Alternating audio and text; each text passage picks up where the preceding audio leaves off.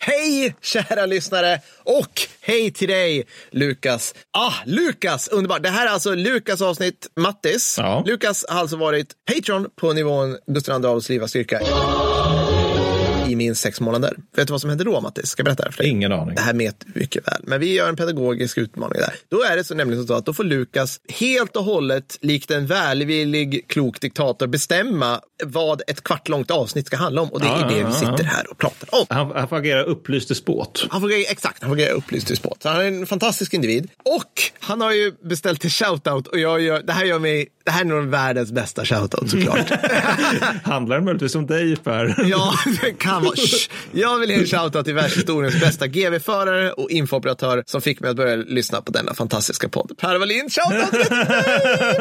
Ja, tack Lukas! Ni är gamla kollegor, eller hur var det? Ja, det är underbart. Ja, men jag och Lukas, eh, vi jobbade tillsammans i, på Aurora 17. Så jag körde runt en GV och så eh, lekte vi krigsreportrar. Det var nog, det var otroligt glassigt och bra. För att, det kan jag berätta för er allihopa, att vara så här stabs, alltså åka på så här stabssafari. Det var det vi fick göra. Liksom. Vi fick så här, nu åker vi till den här artilleribataljonen som är grupperade här. Och så går vi runt och så bara, jaha, hur går det här då?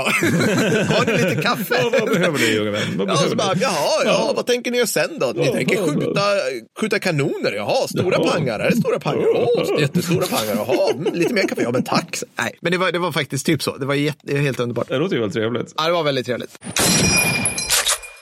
Alltså, han, han har valt någonting, som, jag vet inte om det här är hipster eller inte. Nej, Nej. okej. Det är spännande. Känner du till Fashoda-incidenten? Mm, alltså, nu är det ju så, så att jag har ju sett det här stå i vårt schema. Så jag Ja. har ju liksom så på något, något undermedvetet sätt lagrat upp det i min ramminne här. Så Mm. att, men jag säger nja.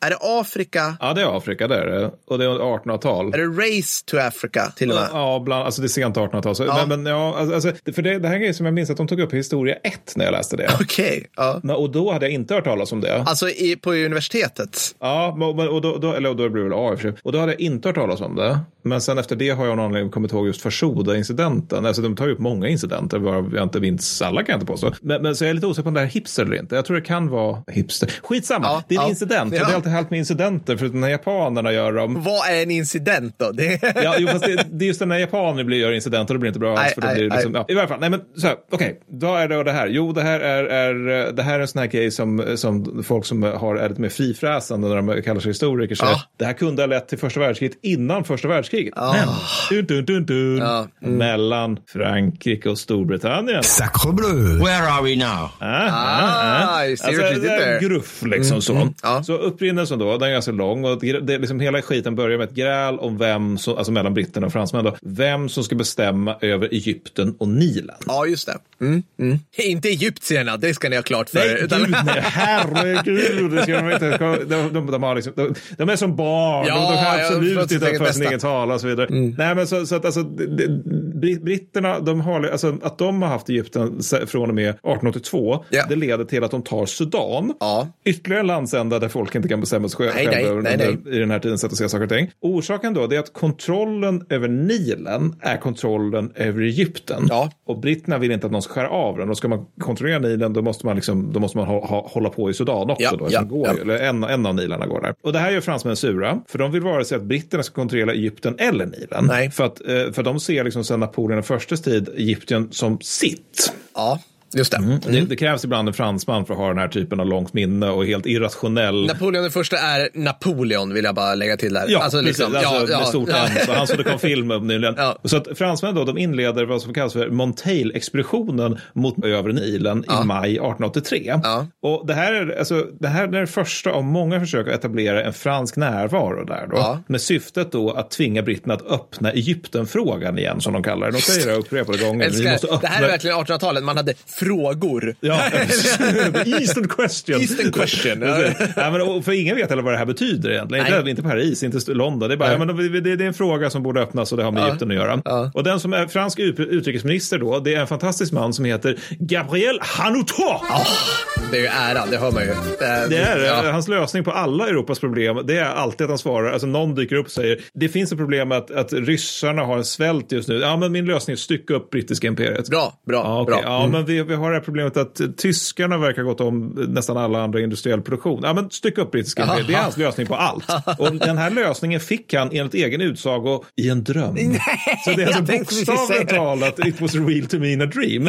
Och han vill sprida vad han kallar för fransk energi, slutcitat, och ser kolonial expansion som någonting vackert i sig. Han är liksom, han på något sätt alltså, romantikernas romantiker på Ja, det här sättet. Så eh, han känner, han känner dock inte till varför man går just mot Fashoda, vilket en sån här Motail-expeditionen gör. Nej. I egenskap av utrikesminister vet han inte vad som händer i Nej, nej, eller nej, varför. nej. Och det orsaken till det är att det beslutet fattas i ett informellt samtal med bland annat presidenten, där bland annat presidenten och Montail och några andra är liksom så här lite, ska vi kanske gå mot Fashoda? Och Okej. och det är liksom, ja. Eh, Och orsaken då, det är att han, han, han tror på diplomati i första rummet och militärt våld i det andra. Ja. Så att han vill liksom stycka upp brittiska imperiet fast på diplomatisk väg. Ja, Alltså han vill inte ja. att man ska hålla på och skjuta på varandra då. Nej. Så, och orsaken till att frans, fransmännen vill gå mot, just Fashoda, det är att de kan bygga dammar där i Nilen. Ja. Och det ger ju då förmågan att torrlägga eller översvämma Egypten lite beroende på vad man känner för att göra. Ja. Oavsett så kan man liksom hota Egypten Ja, med, med ja. egentligen naturkatastrof, då, vilket är ganska jävla nas när man Ja. tänker på saken. Och varken fransmän eller britterna, de, de, är, liksom- de är inte just stormförtjusta i Fashoda som plats. Nej. Utan för Hanoto beskriver det som, citat, och nu citerar jag till här, ett land som bebos av apor och svarta som är värre än apor.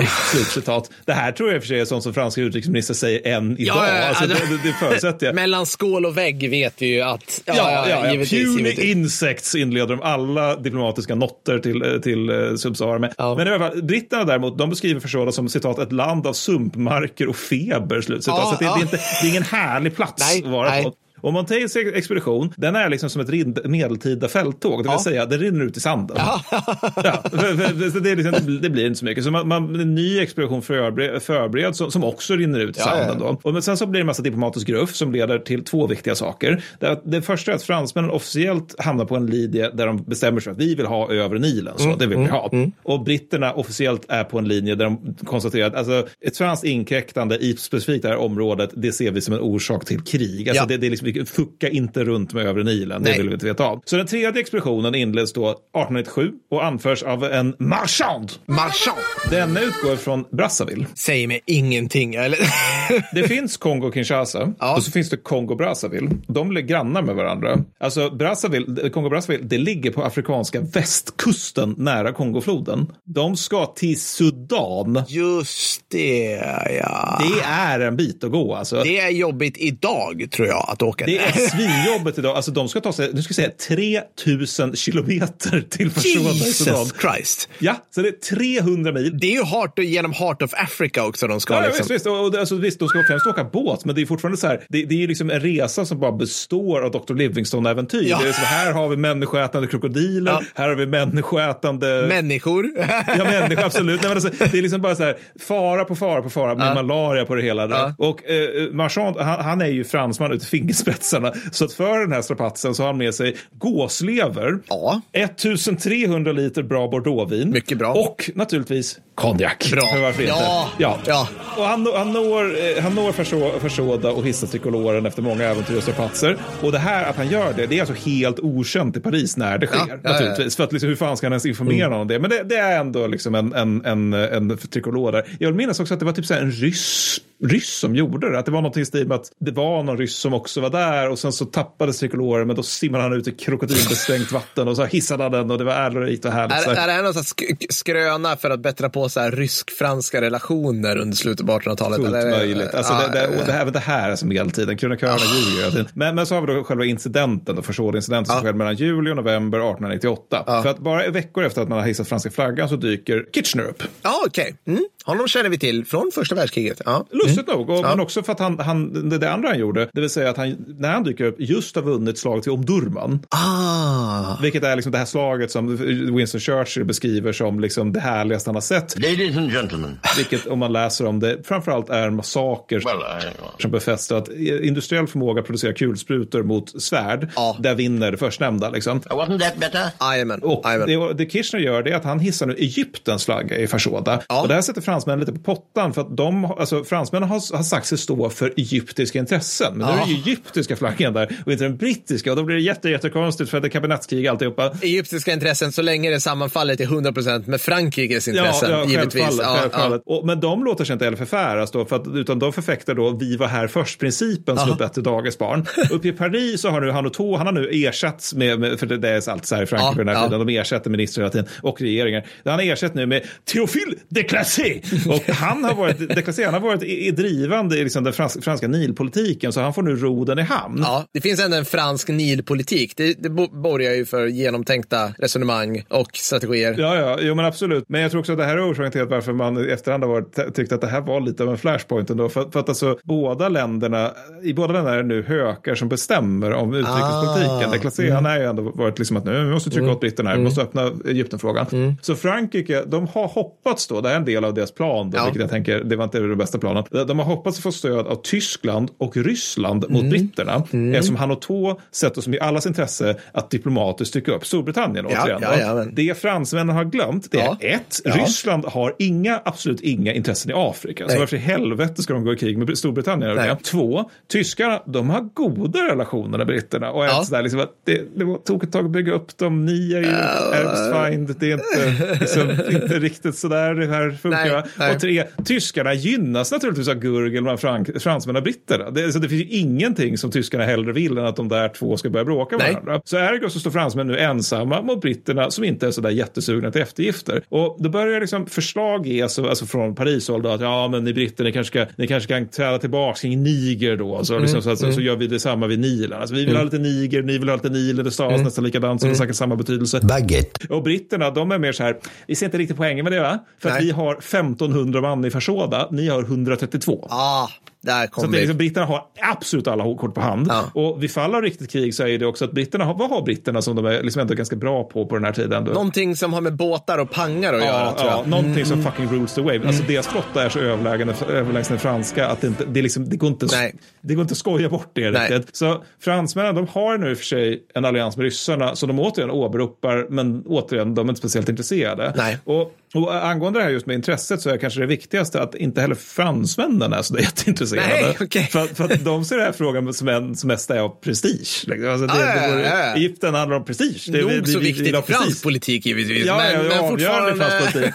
Men, men, medan britterna å sin sida, de har lyckats inbilla sig att det här med Fashoda, det är ett existentiellt hot mot Queen Victoria personligen Ja, och ja, hennes te. ja. Alltså att vi kan inte släppa Fashoda, då kommer allting luckras upp, det kommer bli demokrati och grejer, det kan vi inte ha. Men så här, vi, vi är ju, så här, det som definierar oss är att vi är en kolonialmakt. Ja, För vi ja. har inget annat än, vi har typ 2000 får på en, på en ö i norra Atlanten och sen har vi en jäkla massa kolonier. liksom, det är det som är. Och vi kan inte bara tumma på det här. Liksom. Så att, Ja. så att, och det här, men just det här med att de faktiskt ser det här som på, någonting på allvar, det är ju att britterna har ju liksom en politisk kraft att vara lite bestämda, Ja. medan fransmännen är inte. Declassé, han gör nu det liksom mest ultimata franska movet och det är att han talar uttryckligen om äran. Men det, det, alltså, britterna bryr sig ju inte naturligtvis. Nej. De är ju som hypermaterialister. Det är så här, du, du sa vad? Så, det, här är terräng som... Men det måste ju vara, medans noter skickas fram och tillbaka så står nu alltså då 600, eller 1650 man av två nationaliteter och förgås Ja, av ja, malaria ja, och beriberi i ett träsk. ja. Ja, gud, någonstans i Sudan. Ja, eller? ja, ja, ja, men så var det ju också. Jag bara så här, ja ett ja, ja. halvår att rafsa igenom det här då. Men, men så Ah, Marchand han lämnar för sådan 11 december 1898 Ja. utan att man, man, det blir liksom inget krig Nej, det här. Utan, utan han, han, han, får helt enkelt instruktioner att nu, nu får du dra tillbaka Ja. för det här håller inte. Det, liksom, det håller på att explodera ansiktet på oss. Så resultatet av det här det är typ att frans, fransmännen börjar liksom få en nykter syn på kolonialpolitik, vilket väl inte är en stund för tidigt. Och, så och man, man gör nu det här sjuka, vilket jag aldrig trodde jag skulle säga om, om eh, Paris utrikespolitik, det är att man går från prestigepolitik till realpolitik. Oh, okej. Ja, Ja, alltså det handlar inte bara om olika oklara äventyr. Dags nu grabbar. 1900-talet är runt hörnet. Ja, Äh, ja. mm. Och det, det här känns som att sen har glömt bort helt och hållet när de kommer till kriget i Indokina på 50-talet. Ja, ja, ja. Men, så kan det väl vara. Så ergo börjar man nu jobba på att knåpa ihop kolonierna, alltså de franska kolonierna i väst, nord och centralafrika. Man, man försöker se till att det här är lite mer sammanhållet. Ja, sådär, ja, snarare än att vi ja. har lite där, vi har lite där, och lite där. Och det blir liksom inga fler äventyr för ärans skull. Utan det, det, ja, man går över till det mer sansad politik Ja. Så det är Fashoda-incidenten. Ja. Det, det, det händer ingenting, men det höll på att hända någonting. Ja. Och det är väldigt mycket fransmän i det hela. Alla som läser international relations, ni borde ju skriva någonting om det här Ja, tycker jag. För det är så här kul det är. Det, det, IR-folket kan mycket mer om det här än vad jag gör, det kan jag Ja. säga. De, de, de, de brukar gilla Fashoda. Ja, Lukas, du är underbar. Du är en fantastisk man. Tack för att vi fick lära oss om Fashoda-incidenten. det, är liksom, det är också krigshistoria, fast på ett lite mera, lite mera annat sätt. Fredligt sätt. Ja, det kan man säga. Det kan man säga. Ja, fantastiskt. Ta hand om er så hörs vi snart igen. Tack så mycket. Hej då. Hej då.